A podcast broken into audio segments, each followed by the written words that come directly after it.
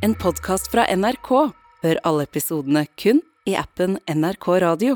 Ja, så hvis jeg sier da på plass her i studio er hun Rikke, han Olaf, hun Kristin og han Klaus, så blir i hvert fall eh, Kristoffer Sørdal i Kristiansand glad for at nå skjønner han at vi skal svare på spørsmålene hans, ikke sant?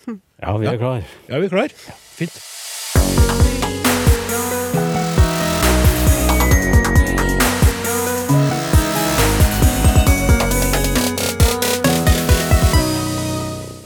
Hvordan er det mulig å si hvordan for hvordan, men også for hvilken?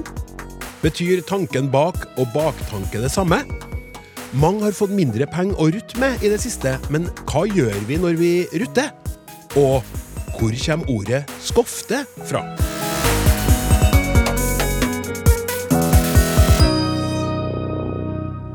Foreløpig så er det lite vi vet om det nye året, men én ting kan jeg allerede nå si med sikkerhet, kjære lytter.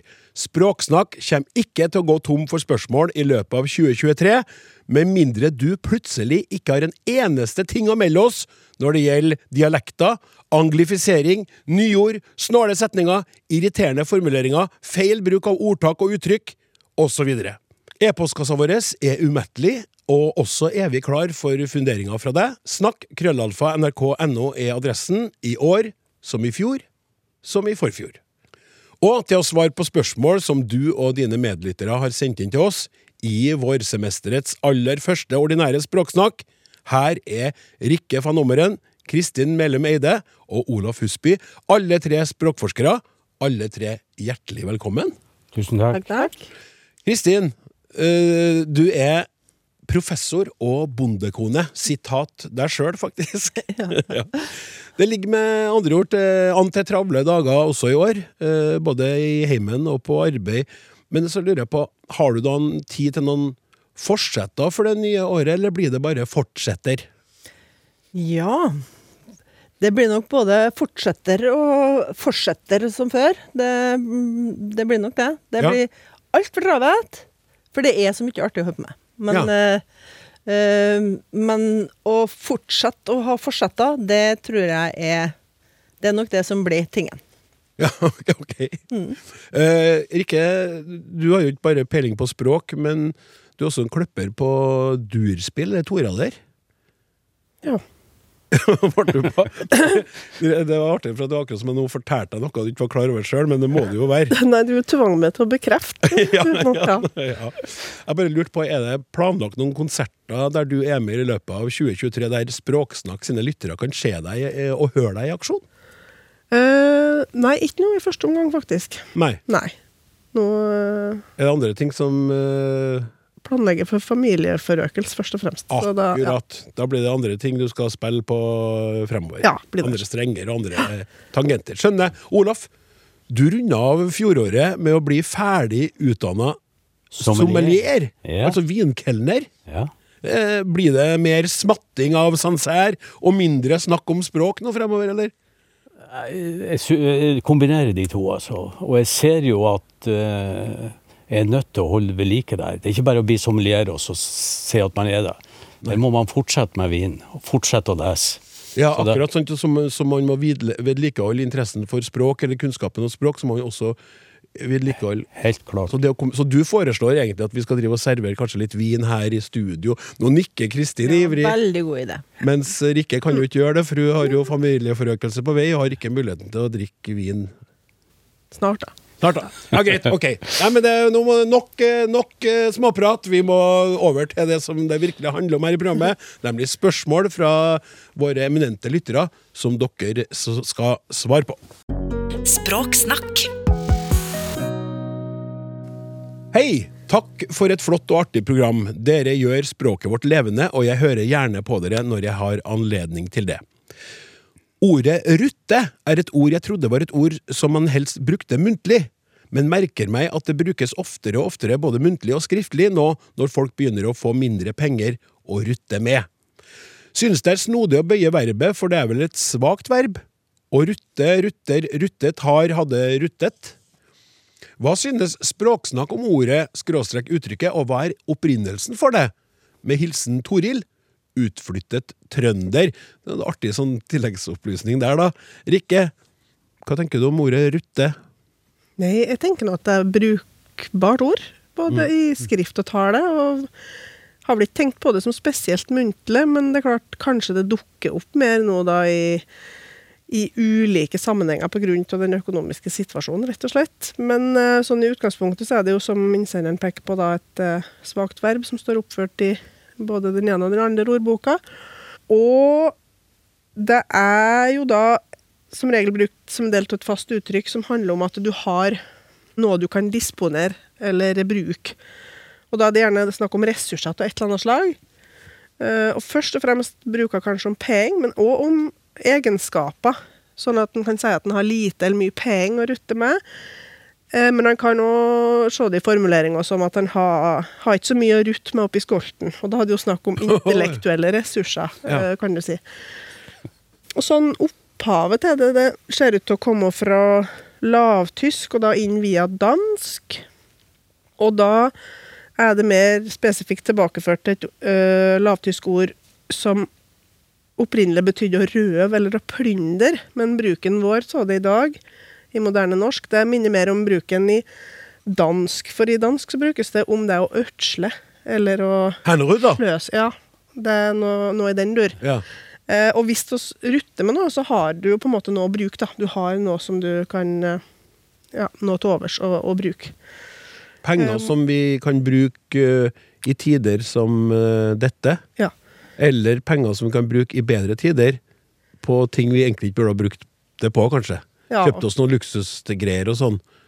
Ja, hvis du har lite å rutte med, så har du, har du lite til overs da, som du kan Ja. bruke på en kvart. Ja. Eh, men altså, det, det her med om det er muntlig spesielt muntlig eller skriftlig, det går tilbake til litterære kilder ganske langt tilbake, faktisk. Eh, Det Norske Akademis ordbok eh, nevner litterære eksempler fra Ibsen. Men det er òg dokumentert som målføreform eh, fra nord til sør, eh, ganske langt tilbake. Mm. Ja. Men så er det aktualisert i dag, så kanskje derfor innsenderen har lagt så godt merke til det nå, da. ja. Det nevnes vel i både nyhetssendinger og i eh, aviser og slikt. Nei, jeg lurer litt på om det er en, øh, at det begynner å nærme seg litt sånn fast uttrykk med å rutte med. Du har det, for at du finner ikke eksempel i presesformen at han rutter ikke noe mye for tida. Du, Nei. altså, du har ikke Så det, det virker jo som et litt sånn nærme seg et fast uttrykk der og da. Og at det stort sett er knytta til det med å ha penger å, å rutte med, Ja. mer enn eh, intelligens, for eksempel. Ja, jeg har i hvert fall sjøl hørt det mest bruka om materielle ressurser. Eh, Men en vil jo forstå det også bruka om andre ting. Sånn er det jo gjerne. Fint. Eh, takk skal du ha.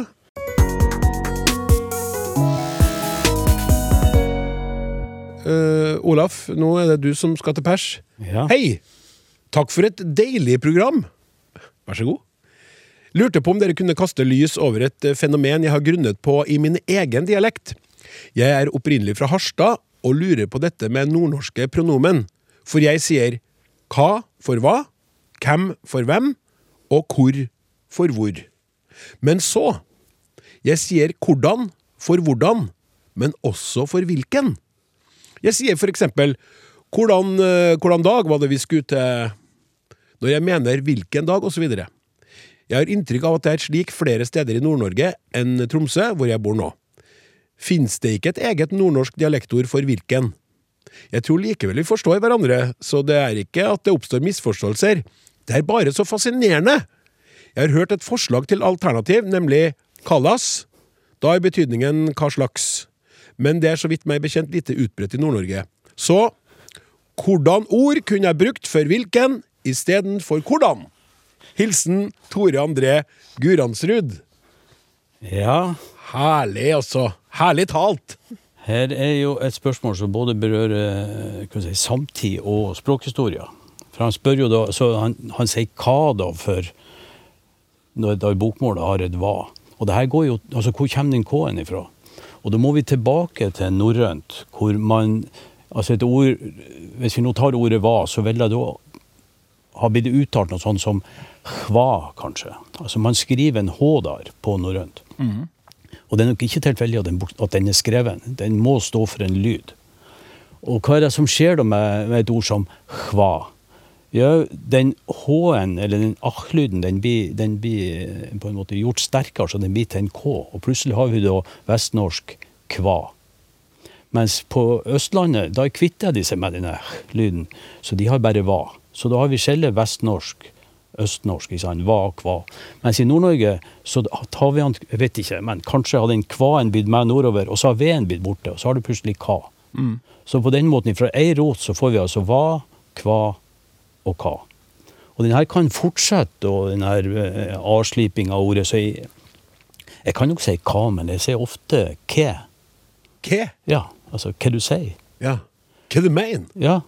Og det er jo bare at da har på en måte K-en etablert, og så begynner vi da å ja, Det skjer noe med den A-en. Den blir på en måte litt mer sentral i, i systemet, så det får en, en E-lyd. Og det samme skjer jo da med, med, med kordene, ikke sant? At den der HV ender opp med en K, sånn at han, Tor André blir sittende igjen med, med kordene. Men han sier jo ikke kvilken. Nei. Og det kommer antagelig av at hvilken som form aldri kom til Nord-Norge. Iallfall ikke muntlig. Hå? Eh, jeg, tror jeg lærte hvilken først når jeg begynte på skolen. Og jeg måtte jo bare lære hvilken. Jeg måtte jo lære hvilken, hvilket, hvilke, ikke sant?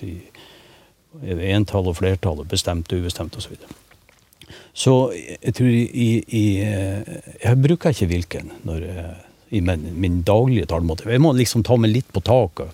Hvis jeg snakker med noen folk som ikke har norsk som morsmål, så vet jeg at de, hvis jeg begynner å si 'kefferein', eller hva slags, han sier, så, så, så er det kanskje ukjent. da. Så, eh, men det, vi har jo ett ord til da, som er fra dansk, det er 'hvorledes'. Og det har jo blitt avslepen igjen på samme måten til 'korleis', som vi finner på nynorsk. Og da vil jo jeg si 'hvordan'. Og det er jo litt interessant, selve ordet. For hvor ledes? altså 'ledes' er jo ei ordet som vi har i lei, altså da båten går. Så hvor ledes betyr en sånn altså Hvilken vei må jeg gå for å oppnå det her? Hvor ledes må jeg gjøre det? Ikke sant? Men er det hvorledes Ja. som i hvordan? Er det, det er en, Ja, det, det er to forskjellige Ja, eh, uttrykk for, for det samme, da. Eh, og det er hvor Jeg vet ikke om man finner Trøndere sier 'kossen'. Korsen. Vi sier 'koss', og på Kosen ser vi jo kerr og kess og Ja, ja. ke, sånn Ja. som på Helgeland. ja, så ja, korsen, og sier, sier vi jo 'kossen' og 'kossen' og Ja. hvordan og 'kossen' og koss og kess og Ja, da ser vi jo, ikke sant, så det starter, Kos må jo være kortformet da, av kosen, som da kommer fra korsen. Så alt det her eh, er jo produkter av lydlige, av lydlige endringer. Så er det litt interessant med at du, når, du har, når du snakker om hvorledes og hvordan og hvor hen, så har du jo spørreordet hen i en hel del eh, av de her dialektene, både på Sørlandet og her, her i Midt-Norge og nordover. Hen. Ja. Så i stedet for hvor hen, så kutter du hele hvor, og så bruker du bare hen, hadde du Ja. tenkt deg? Ja. Men hvilken eh, Hvor, hvor dukker hvilken opp hen, da? Ja, så Hvor langt ned må vi før, før hvilken kommer? vi må tilbake Hvilken del av landet Eller hvordan del av landet må vi til for å få hvilken til å dukke opp? ja, Har du den som del av trøndersk? Jeg kan si hvilken, ja. Ja. Men det er jo litt det Trondheims eh, Jeg blir spurt sånn på sittende, sittende rumpe, som jeg gjør nå. Så blir jeg usikker, men jeg mener at jeg har med hvilken i mitt Ja. vokabular. Hvilken er jo et ord som Det er jo ellers i slekt med det engelske 'witch'. Så det er òg et ord som går tilbake til det, det, det gamle, gamle ordformet. da. Ja. Og, og der er det jo eh, altså På nord, norrøn så heter det 'vi liker'. Altså hvilken Hva er det likt, eller hvilken form har det, eller Når, når du spør okay. om noe. ja. Så du, du identifiserer da eh, ting ved å og, og, og må du da i tillegg i moderne norsk eh, se til kjønnet på substantivet så du, så du spør om, ikke sant? om substantivet står i entall og, og flertall. Det høres ut, jeg vet ikke, har, Du har det ikke, Kristin? Nei. Så i deler av trøndersk er det ikke, nordnorsk er det ikke, østnorsk er det. Og hva vestlendinger sier. Hva for ein, hva for eit. Ja. Sånn at det er kanskje et, et fenomen som er mer mot østnorsk. Og det er kanskje logisk i og med at jeg, jeg kommer inn fra dansk. ja. Og så har det ikke klart å spredde seg. Selvfølgelig i skrift så er det jo overalt, men det har ikke kommet inn i, i, i talemålet. Nei. Dette spørsmålet er jo mye større, og det er jo en av, øh, som har vært på besøk her, Øystein Vangsnes, han har jo sett på det her. Så hvis at lytterne har mer å spørre om når det gjelder de her spørreordene, så send inn, og så kommer kanskje Øystein og svarer. Ja. Hvilke tanker gjør du deg nå når eh, Eller hvordan tanker gjør du deg når du hører oss prate om det? Skriv gjerne til snakk krøllalfa.nrk.no hvis du har noe øh, å melde rundt det her øh, temaet. Så takk øh, til han Olaf, og over til hun Kristin.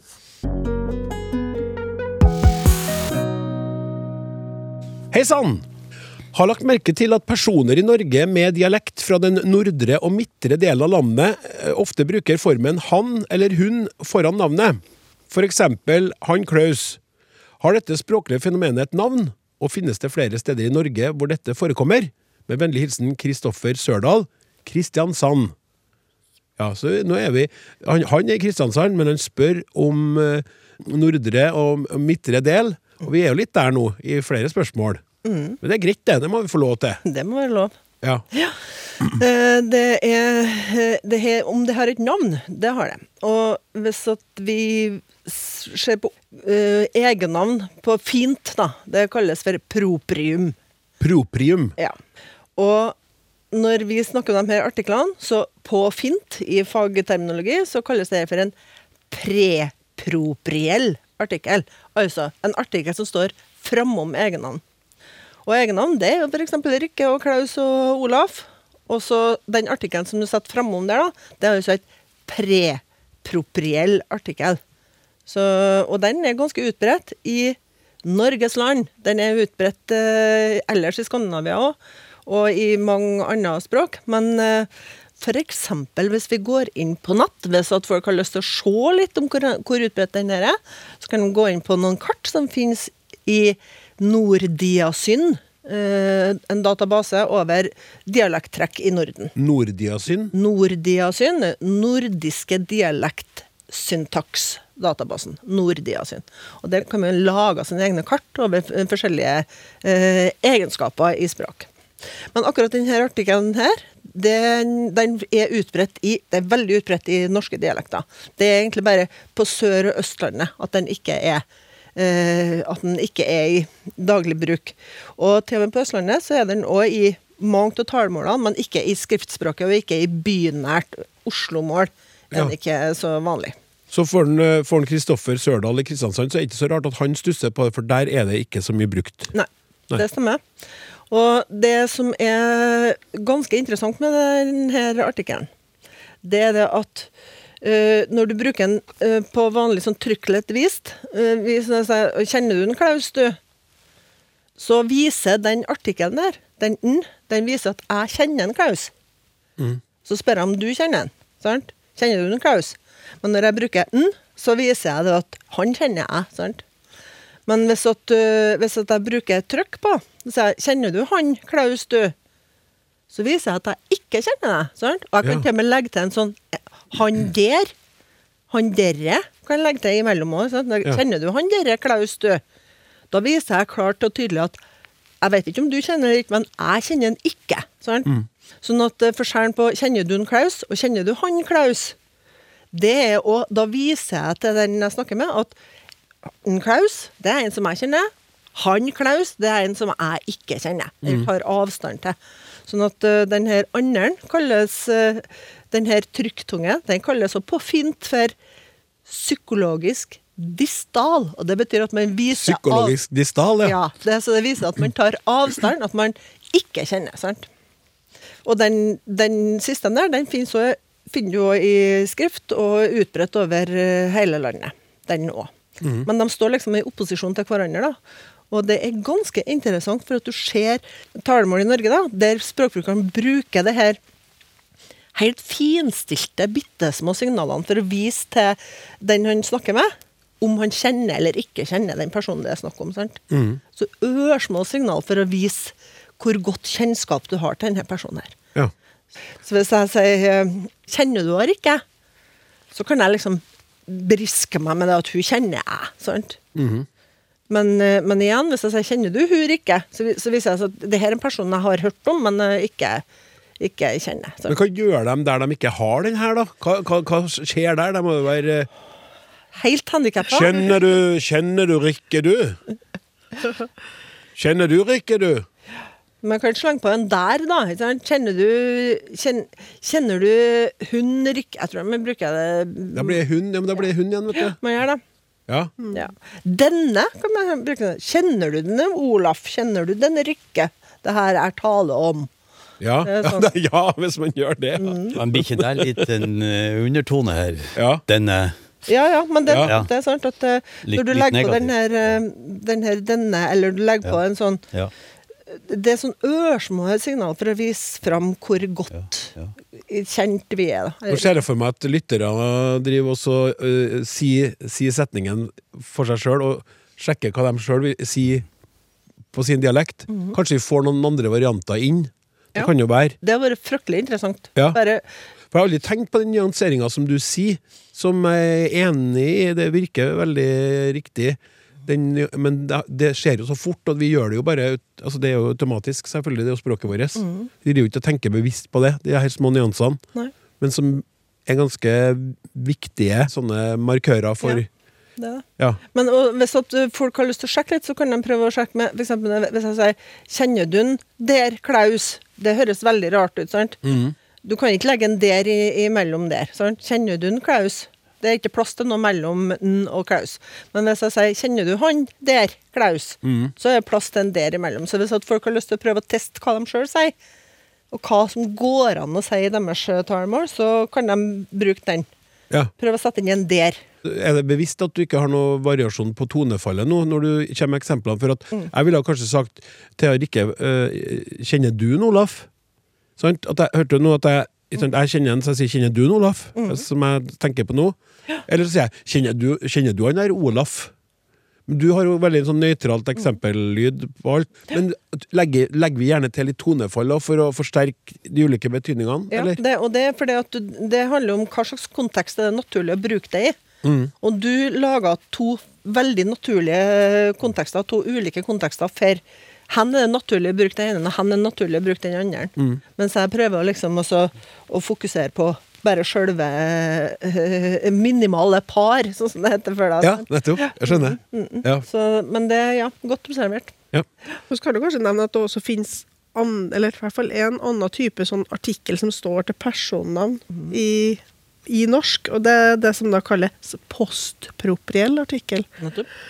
Nå snakka Kristin om prepropriell artikkel, så postpropriell artikkel det er jo da noe som kommer etter eh, proprium. Og der ser han f.eks. i bergensområdet, der han har eh, et sånt etterhengt suffiks eh, i former som eh, Klausen og Olafen Ja. og en del sånne. Mariannen.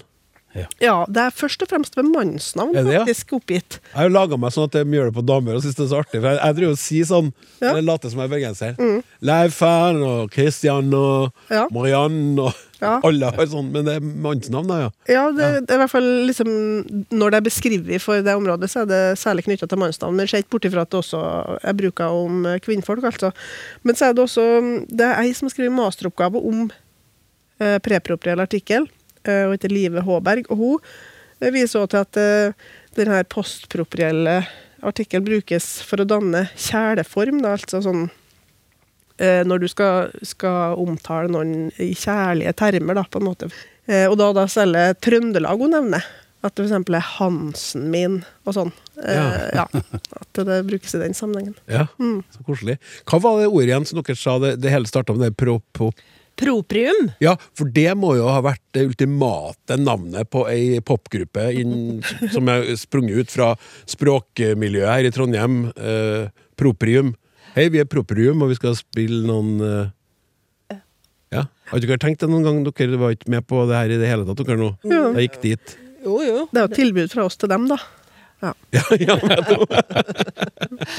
Hva heter han ene, han ene der som er med han derre Etternavnet på han derre Olaf i Proprium, det bandet fra, fra litteratur. Du kunne hatt vorspiel, da. Du kunne hatt preproprium.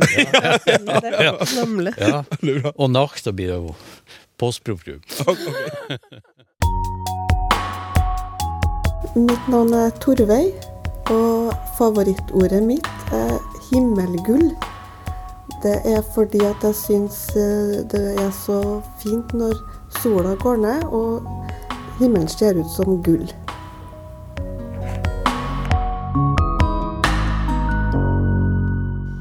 Ja, eh, ikke bare er det sånn at eh, dere som hører på Språksnakk er gode til å komme med spennende og fine spørsmål til oss, men dere har også ofte tilbakemeldinger som er verdt å lese opp. Eh, I slutten av november i fjor så leste vi opp et brev fra Lise som eh, er oppvokst i Trondheim, og hun hadde vært på en såpass fin feiring at hun dagen etter mente at det hadde vært en gibbal-fest.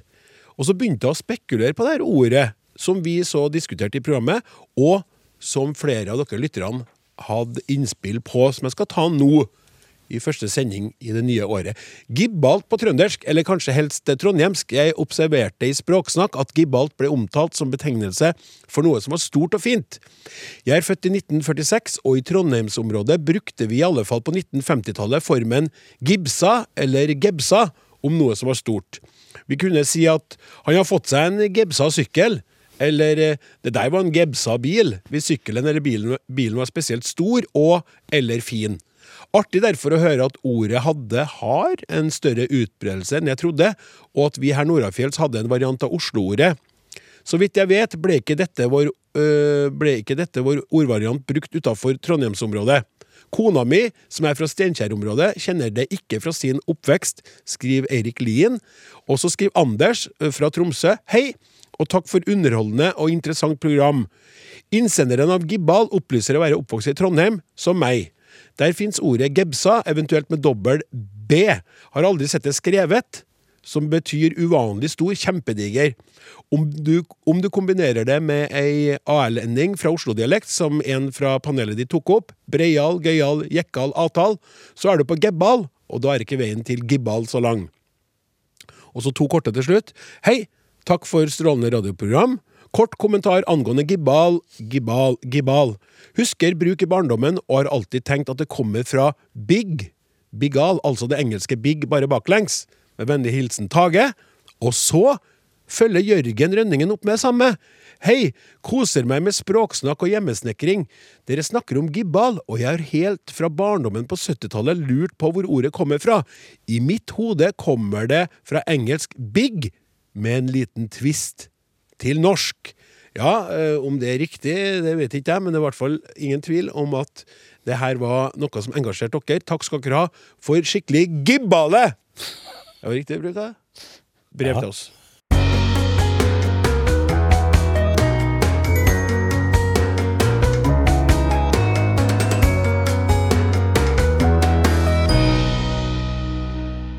Du hører på Språksnakk. Vi driver og svarer på spørsmål sendt inn til snakk krøllalfa.nrk.no. Rikke van Ommeren, Kristin Mellem Eide og Olaf Husby er dagens språkforskere. Og nå skal vi over til et ord som jeg lurer på hva Rikke har å si om. Først brevet fra Bjørn Eirik. Kjære Språksnakk. Hjemme har hun mor og jeg stor glede av å høre på Språksnakk mens vi har lange frokoster i helga. Her på arbeid i ingeniørkontoret har vi nå fredagsmorgen gruppemøte i konstruksjonsavdelingen, og mellomleder Mosås informerte oss at julelunsjen skal flyttes fra fredag lille julaften til torsdag. Det er sendt inn rett før jul. Han sa det her fordi det er så mange her som skal skuffe arbeidet om fredag. Sjøl skal han ta fri fredag, sa han. Vi ingeniører ble eh, med et mer interessert i ordet skufte enn i betong og stål. Kjetil fra Byromo mente det kunne skrive seg fra at man står og lener seg på skuffa og ikke arbeider. Mosås mente det er et bilde på at man legger saken man skulle gjort i en skuff, og glemmer den bort. Sjøl ble jeg likvis, men liker ordet. Nå er jeg spent på om kanskje dere i kunne finne ut hvor skofte kommer fra. Takk for et interessant program. Og så står det da med ønsker om et velsignet jul. Den ble så for mitt vedkommende, så jeg sier nå takk for det ønsket, for det ble innfridd hos meg. Vi lar det være med det. Bjørn Eirik Jacobsen, sivilingeniør. Rikke, vær så god. Ja. Jeg håper ikke du har skuffa arbeidet med å forberede deg til det her spørsmålet. Nei, jeg tror ikke Nei.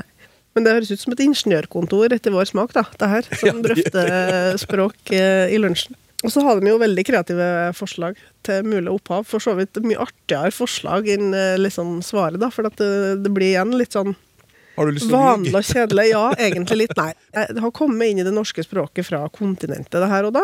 Eh, Det er oppgitt eh, opphav i lavtysk og nederlandsk, er også nevnt. Eh, Og da er det deg, Unnskyld, men nå har du sagt det flere ganger. Eh, Hva er egentlig lavtysk? Ja, nå kunne dette være lang utredning, og det kan det jo bli et eh, senere program, men sånn helt eh, enkelt forklart, så når vi viser til opphav i lavtysk, så viser en til at det har opphav i det språket, eller den formen for tysk som var i bruk blant de som oss har mye å gjøre med, eh, språkhistorisk eh, sett, da. Fra eh, særlig nordlige deler av, eh, av Tyskland. Så Hansan var jo sentral sånn ja, hva skal si, holdt på å si smittekilde, men det er jo eh, dem, det er språket som var i bruk blant dem som, som kom fra de tyske områdene. Ok, tusen takk. Da, da kan vi bare fortsette. Beklager. Ja, det her ordet det brukes jo da om å hvile eller å ta pause fra arbeidet, sånn som det er i den sammenhengen som innsenderen eh, viser til. Eh, Men det brukes kanskje særlig om det å være bort fra, eller å sluntre unna, eller forsømme, egentlig, arbeid, eller skole, for så vidt. da. Så litt i retning av å skulke, eh, på sett og vis. Og det er jo òg denne betydninga å hvile fra arbeidet som det har hatt i, i liksom opphavelig form, da, fra, som også har lavtysk. da. Og det er jo nettopp da hvile fra arbeidet som denne mellomleder Mosås viste til. At det var fredagen skulle de skofte, da skulle de hvile, ta fri. Det er ordet som det, som det blir tilbakeført til, da, det er sjoften, eller skoften. Jeg er litt usikker på hva uttalen vil være. Og i norsk så uttales det vel, ja, du sier kanskje å skuft'? Skuft, ja. Skuft, skuft. Hva har jeg drevet, har jeg sagt begge deler kanskje her nå? Ja, ja, ja. Det nikkes her fra de to andre. Jeg har sagt skoft og skoft, men jeg tror jeg sier skuft hvis jeg skulle ha konsentrert meg om å sagt det faktisk. Ja, jeg vil si skoft. Du sier skoft. Skoft arbeid, ja. Ja. Så jeg vil også ha det med apokopet som hører talemålet mitt igjen, og som jo viser at det er integrert i det norske språket på det viset som de her uh, orda fra andre opphav jo blir da, over tid. Som kommer inn og blir bruka både i skrift og i tale, og tilpassa de ulike talemåla rundt omkring. Jeg syns det er ganske interessant at uh, i den, det her sammenhengene at folk prøver å finne tilbake til en forklaring. Det som kalles for folkeetymologi. Når du snakker om å legge det i skuff, eller at du, at du henger på skufla, eller at det er ulike Man prøver å finne forklaring. Det er ganske spennende. At folk er interessert i språk og prøver å komme tilbake til hva kan være den baken- bakenforliggende forklaringa. Og at det kan være sjoften her, eller at det er et helt annet ord som vi ikke har peiling på. Det er jo ofte det som er forklaringa, men det er jo fryktelig spennende å spekulere i hva ord kommer ifra. Jeg er så enig, for det er så artig. De sitter og diskuterer i lunsjen hva det betyr å putte det i skuff og få det bort. Og, sant? Eller putte deg sjøl i stor skuff og gjemme deg unna som en skulke. Ja, eh, bra. Du hadde ikke skufta din jobb her. Takk skal du ha, Rikke. Som jeg har sagt så mange ganger før, et helt annet spørsmål.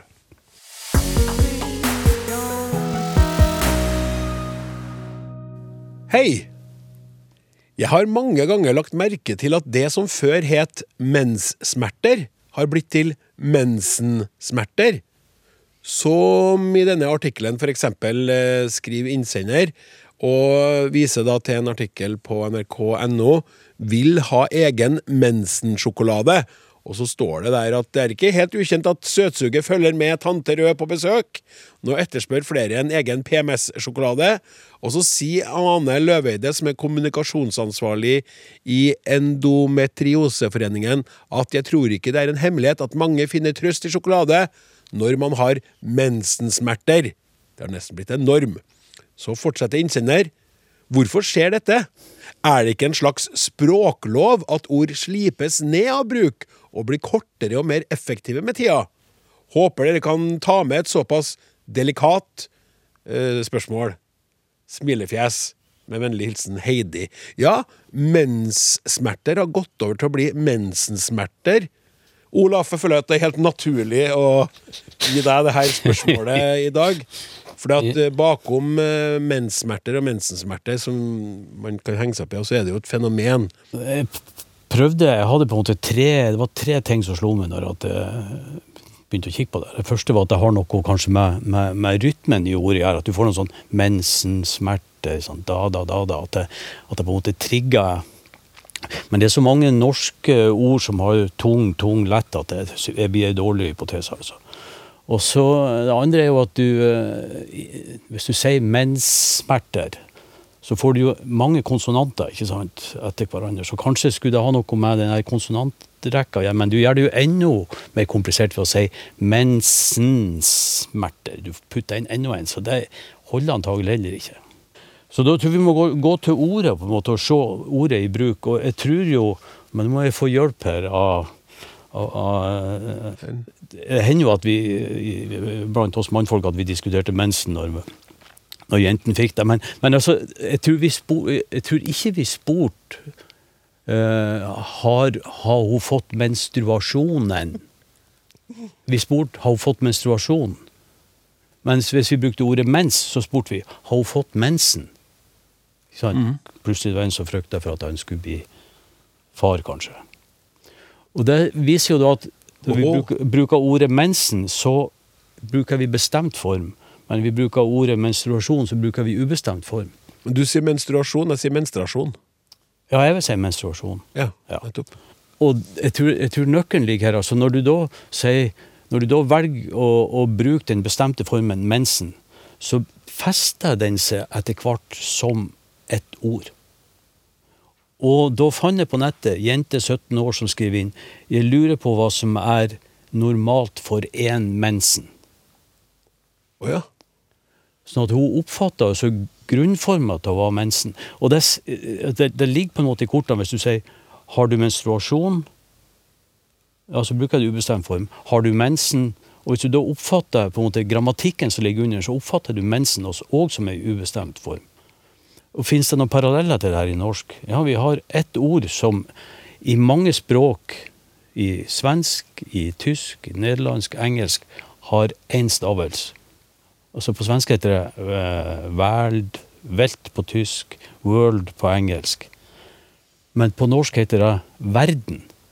Og den en-en på verden, det er en sånn bestemt artikkel som har festet seg på det ordet som på nynorsk heter ei vær. Det heter ikke ei verden, men ei vær. Sånn at der har vi også fått ei bestemt form som har blitt ei slags rot. Så på bokmål når vi driver og bøyer, så sier vi en verden verdenen. Verdener. Sånn at ordene på en måte øker. Det har fått inn en, en bestemt form som da på en måte blir nøytralisert som, som bestemt form. Og så inngår det, eller vi oppfatter det som rota på ordet. Og der tror jeg det er det som har skjedd med mensen. Ja, for var det sånn, for, sånn som jeg prøver å tenke tilbake til altså, Var det mens som var den forkortingsversjonen før? Mer. Og så kom mensen. Nå snakker vi om noe som er litt sånn nå er jeg synseri, synsera her, da. Jeg, jeg, jeg forstår den forklaringa di, den, den, så nå er jeg lytteren. Ja. Jeg henger med. Ja. Det syns jeg er litt stas å gjøre når jeg gjør det. Eh, Hva tenker dere eh, to andre der, også som språkforskere, først og fremst nå, da, eh, på det Olaf sier? Om hvorfor det endte opp med at menssmerter har blitt til mensensmerter. Ja, det, jeg synes det høres ut som en plausibel forklaring, den Olaf har her, særlig når du jamfører det med verden. Men, men når jeg tenker på det her med Det er fryktelig interessant det som man sier med ubestemt og bestemt form om menstruasjon og mensen. For at eh, i det han sa, det, så husker jeg ei, eh, en helsesøster i, i min pure ungdom som, som spurte alle oss uh, unge veitene på uh, legeundersøkelser, på denne medisinske undersøkelsen, så spurte hun har du fått mens. Det syns alle sammen var veldig merkelig. Ja. Så det, det, det har noe for seg, det her. At du, Ja, du sa mens der nå, ikke sant? Ja, Men det er det jeg mener. Ja. Og så kom mensen, som var en, Ja. en litt det føltes annerledes. Altså, nå kan jo ikke jeg si at jeg følte det på kroppen, men det kjentes mer Mindre stramt, det Anit. Det- Mens det Mer var mens, uformelt? kom, ja, mer uformelt. Takk.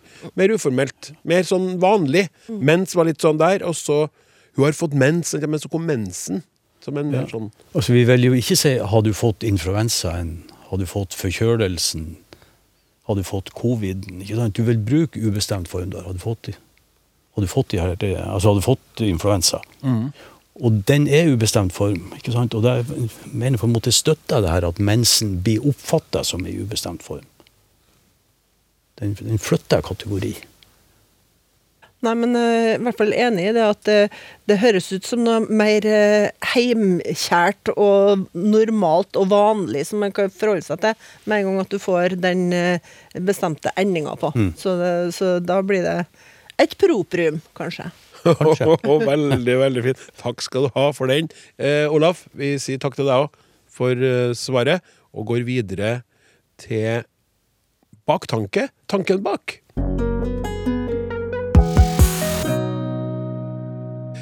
Betyr tanken bak og baktanke det samme? Jeg oppfatter tanken bak som en tydeliggjøring av hensikt og et positivt ladet begrep, en presisering av at det foreligger en konkret vurdering. Baktanke, derimot, oppfatter jeg som et mer negativt ladet ord, en antydning om at det lurer en skjult agenda eller uærlige hensikter bak et vedtak, en uttalelse eller en handling. Jeg registrerer at begrepene blir benyttet litt om hverandre. Er det bare i mitt hode det skurrer når det benyttes feil i hermetegn uttrykk? Hilsen Kjell Arne. Ja, øh, det er jo artig å få lov til å svare på det her. Det er øh, For dem som bruker det om hverandre, så har jeg lyst til å spørre dere i panelet her òg. hvis jeg sier jeg har en god baktanke med det her, hvordan kjennes det ut? Jeg har en god baktanke med det. Da vil jeg si at, du, at det er noe positivt, fordi at du sier god.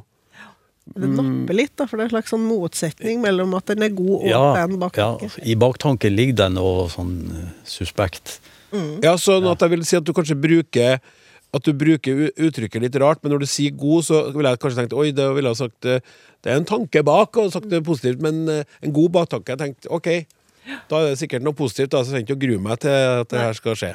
Nei, så da, du, du tolker inn best tenkelig tenkelige mening her, men for, for eh, Olaf og Rikke her, så, så kjennes det ut som at det, at det lugger litt. Og, det, og det er nettopp det at når du har en baktanke så I ordboka så står det at det er en skjult hensikt.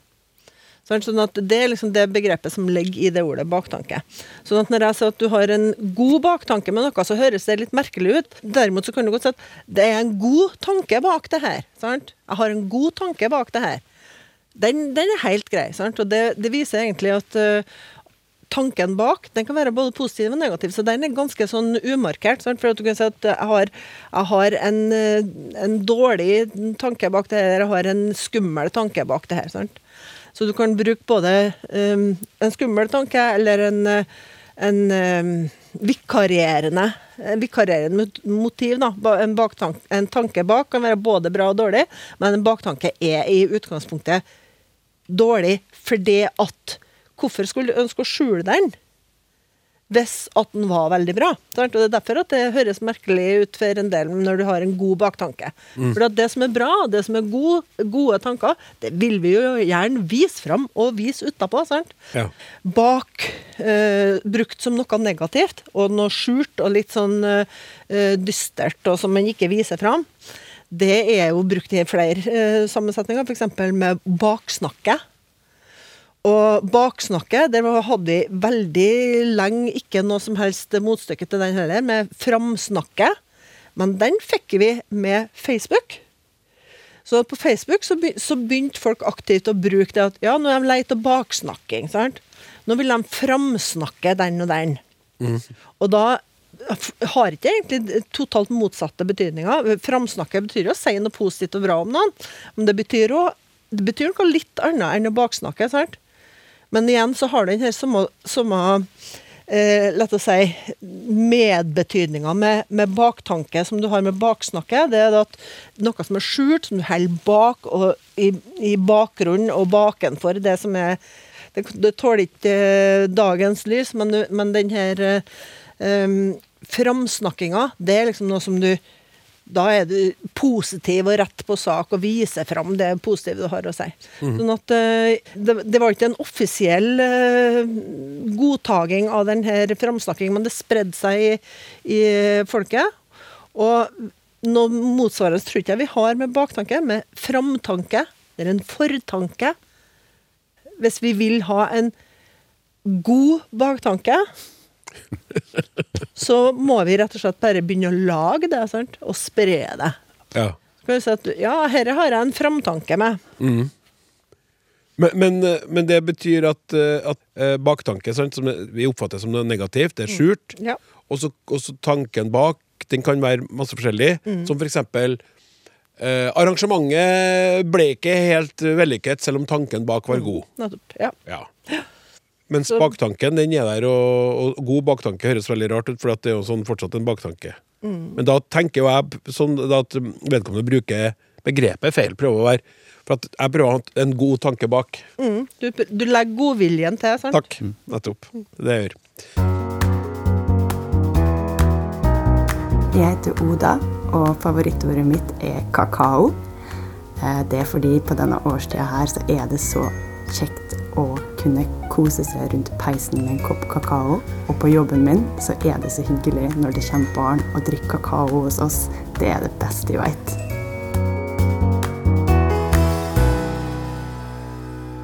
Språksnakk er programmet, og i dette programmet så svarer vi på spørsmål sendt inn til snakk.krøllalfa.nrk.no. Eh, og nå skal vi ta for oss et lite spørsmål fra trønder Toril, som også ble trukket fram litt tidligere i sendinga. Eh, for hun tenker ikke bare på det hun tenkte på i sted, hun tenker også på lene.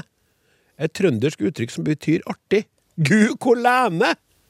Har dere noe kjennskap til opprinnelse og utbredelse her? Rikke, Ja. hvis du sier at dette kommer fra lavtysk nå Nei, jeg skal ikke si det. Nei, nei. Men jeg kan si at som trønder, jeg er jo også trønder, men jeg er i utgangspunktet ukjent uh, med det her ordet.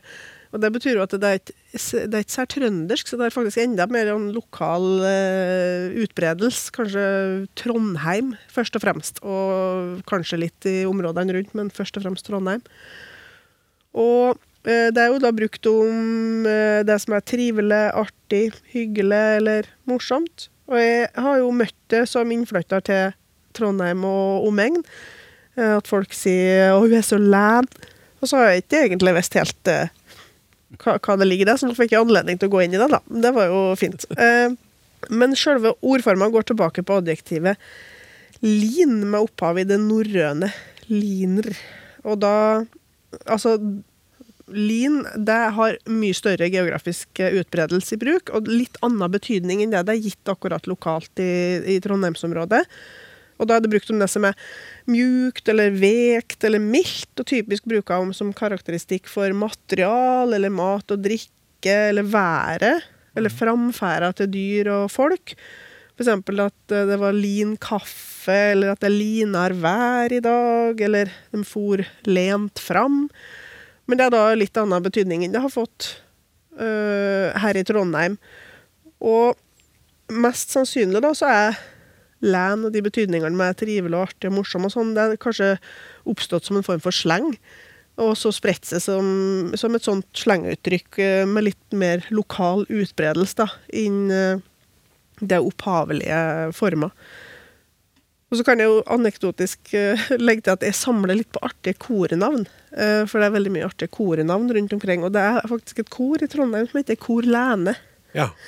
For da spiller den på at eh, kor også kan være et adverb, ikke sant? Og, og akkurat hva det betyr, da, det vil jo være ganske lokalt, hvordan en forstår det kornavnet. ja.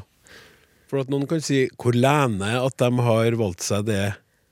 Eller hvor lent Hvor lent at, at de har valgt seg hvor. Ja. Mens andre vil ikke skjønne noe av det i hele tatt. Mm. Ja. Olaf? Jeg er ikke trønder, men jeg lurer på den der siste e-en der i lene. Hva er det for noe? Nei, altså, jeg ville oppfatte det som eh, at det går tilbake på bestemt og ubestemt form. Ja. at eh, jeg, eh, jeg, det var ei lene historie, eller det var ei lene veit, ikke sant? men at det er at uh, lent og lene bare rett og slett er ulike bøyingsformer. Men det er ikke sånn det brukes. Sant? Det brukes eh, eh, du, Klaus, du kan bruke lent og lene om hverandre. Sant? Det var lene, og det Ja. var lent. Sant? Du er len, du. å si. Ja. Så det Ja. betyr at eh, hva som er opphavet, om det kan være altså, Det er naturlig å tenke at det er bøyingsform. Altså, det var det mest lene eh, boka jeg har lest. Sant? Ja.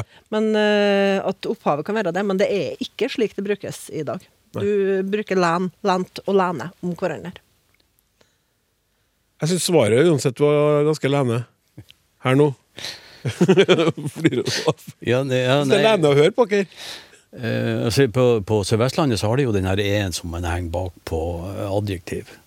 Og jeg har jo bodd på Byåsen og hørt på når folk heier på fotballaget der, og da roper de jo 'Heia Byåsen', hvor du får en sånn e, som òg har et fint navn. Den er n, den er Byåsen. Paragogisk epentese. Paragogisk epentese. Ja, Byåsen. Hva har det med lene å gjøre? Ja, det er det jeg lurer på. Ja. Er den én Ah, i ja, Læne sånn, ja. den samme som Læne. i Byåsen? Ah, ja. Læne. Lene, Lene. Byåsen. Ja. Lene. Hansene. Kristine. Kristine. Ja. Ja, ja, ja. Kanskje, på, kanskje det blir bok av det til slutt. Hvem vet?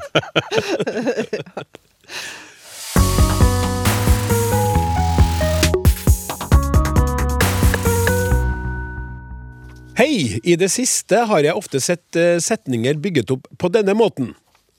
Man eh, gjør jo det, skriver komikeren i et storyinnlegg på hans Instagram-profil. Det jeg reagerer på, er bruken av pronomenet hans. Jeg mener det skal være sin. Man gjør jo det, skriver komikeren i et storyinnlegg på sin Instagram-profil. Vi snakker jo om subjektets profil, ingen andres. Ser mange andre tilfeller av den samme pronomenbruken, og har begynt å lure på om det er jeg som tar feil her. Eh, Skriver innsenderen i sin hennes mail til Språksnakk, skriver innsenderen sjøl. Elisabeth, takknemlig for svar, skriver jeg også. Kristin? Ja. Ehm, det er jo artig å få lov til å svare på det her. Det jo Det her handler jo om grammatikk. Sånn at det, det handler jo om eh, eh, refleksiva. Refleksiva. Refleks, det er jo, sant, du kjenner ordet refleks, noe som speiler tilbake. Og refleksiva, dem, eh, det er sånne pronomen som speiler tilbake. Så sine, for eksempel, det er, en, eh, det er et refleksivt pronomen. Uh, og det står jo i opposisjon til det her med has, sant? de her ikke-refleksive pronomenene. Og i norsk så er det ganske stor variasjon med hva slags dialekter og talemål som kan bruke uh, sin og hans i ulike sammenhenger.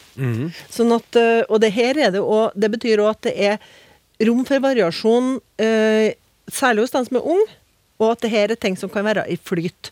Og det er det tydeligvis. Det finnes en del undersøkelser på det. At det her med refleksiver er noe som er i flyt. Sånn at uh, for eksempel i ganske mange trønderske dialekter så kan du ha Han eh, likte ikke å høre at de snakka om ungene sine, eksempel. Ja. Ja, han likte ikke, eller han likte ikke at de snakka om ungene sine. Og da er det ungene hans? Ja, nettopp. Sånn, oi, Og da, og da, det er heftig. Ja, du, du liker ikke den, sant? Nei, den likte jeg ikke i hele tatt. Den, eh, det, han likte ikke at de snakka sånn om, om, om noen sine unger. Nei, det, det er nettopp det. Og det er sånn for ganske mange som kjenner igjen det her i dialekten sin, at han likte ikke at de snakka om seg, eller han likte ikke at de snakka om ungene sine. Så det er sånn at de sier at nei, jeg vil ikke si det, men besteforeldrene mine sa det. Sant? Og det betyr at det jo er, da har det vært i flyt i den dialekten òg, sant? Og det er ganske stor variasjon på, på dette her. Og det er jo sånn at hvis du har f.eks. at vi, vi observerte Kari i hagen sin, så er det klart at det er hagen hennes Kari, sant? Men hvis jeg sier at vi observerte Kari i hagen hennes, så kan det være hagen hennes Kari, det kan være hva som helst. Sånn at det det her eh, refleksive eh, pronomenene, de er med på å entydiggjøre, så de, de gjør det tydeligere. Men så klarer vi oss uten noe sånt. Så eksempel i engelsk, eh, in her garden, det kan være Kari eller hvem som helst, men de, de har jo ikke, ikke refleksiver på samme måten i denne sammenhengen. Så at språk klarer seg ganske fint uten. Og så er det at i og med at det er såpass stor variasjon i talemålene, hvor hen du må ha refleksiver og ikke, så er det klart at det vil være en eh, flyt i det her. Og så er det òg det at i dansk, som vi har ganske heftig innflytelse fra når det gjelder eh, skriftspråksnormering, der er det jo sånn at eh, du har eh, ikke-refleksiva på ganske mange plasser der vi har refleksiva. Sånn at Hva betyr det? Det betyr at du, du har for eksempel De fortalte om sine reiser. Sant? Det kan du si på norsk. Men de fortalte om deres reiser. Vil være det naturlige på dansk. Så de bruker deres i stedet for sine Ja. i flertall, f.eks. Men, men, men tilbake til, til den her, det, her er det her er skrevet, så vidt jeg forstår. Eh, Kristin, og da står det Man gjør jo det, skriver komikeren i et storyinnlegg på hans Instagram-profil. Og det som jeg ville ha gjort da hvis jeg hadde jobba i avis, som jeg gjorde før, og det kom en journalist til meg med denne teksten, kan du se over? Så jeg har sagt og skrevet hans Instagram-profil. Ja, ja. Du kan jo ikke gjøre det. Nettopp. Du må jo skrive sin in- Instagram-profil, hadde jeg sagt da. Ja. Hva hadde du sagt da? Da hadde jeg sagt at da har du andre intuisjoner her. Men med skriftspråksnormen så skal det være sin. Ja. Ja, så det skal være sin. Jeg ble litt nervøs. ble ble litt nervøs? Ja, jeg ble litt nervøs for akkurat det. For da hadde, da hadde det begynt å ryke litt ut av ørene mine. Hvis det hadde vært greit. eh, Ja, nei, men det, her er, det er jo ikke uvanlig å se det, at, at, at det veksler her. Og jeg har, altså I norsk er det jo en regel som sier at du får ikke lov å bruke den der sin i, eh, i subjektsform. Du kan si 'mora hans var sjuk', eller 'faren hennes var sjuk'. Men du kan ikke si 'faren sin var sjuk'. Men jeg har funnet på trykk altså, hvor det sto 'mora si så at han gjorde det'. En gang til. Mora, Mora si. så. så, altså mora hans så at han gjorde det, og så står det da 'mora si så at han gjorde det'. Ja, Du kan se det på trykk, men det kan jo umulig være greit. Nei, for, nei, nei. Nei, nei, takk, takk. Men det er bare en, Igjen det der, det det er bare en indikasjon på Ja. at, at, det- at det flyter litt. Men kommer det da det muntlige inn i det skriftlige, ikke sant, og blander seg inn? Det er jo det som skjer. Ja.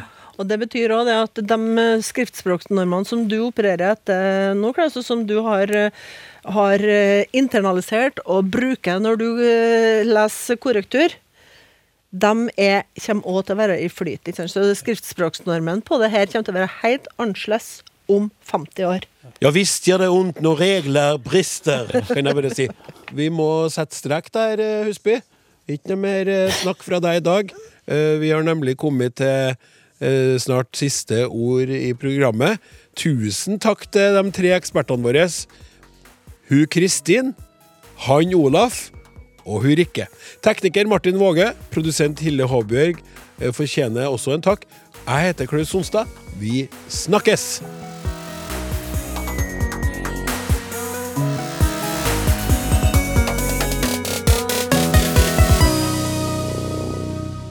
Du har hørt en podkast fra NRK. Hør alle episodene kun i appen NRK Radio.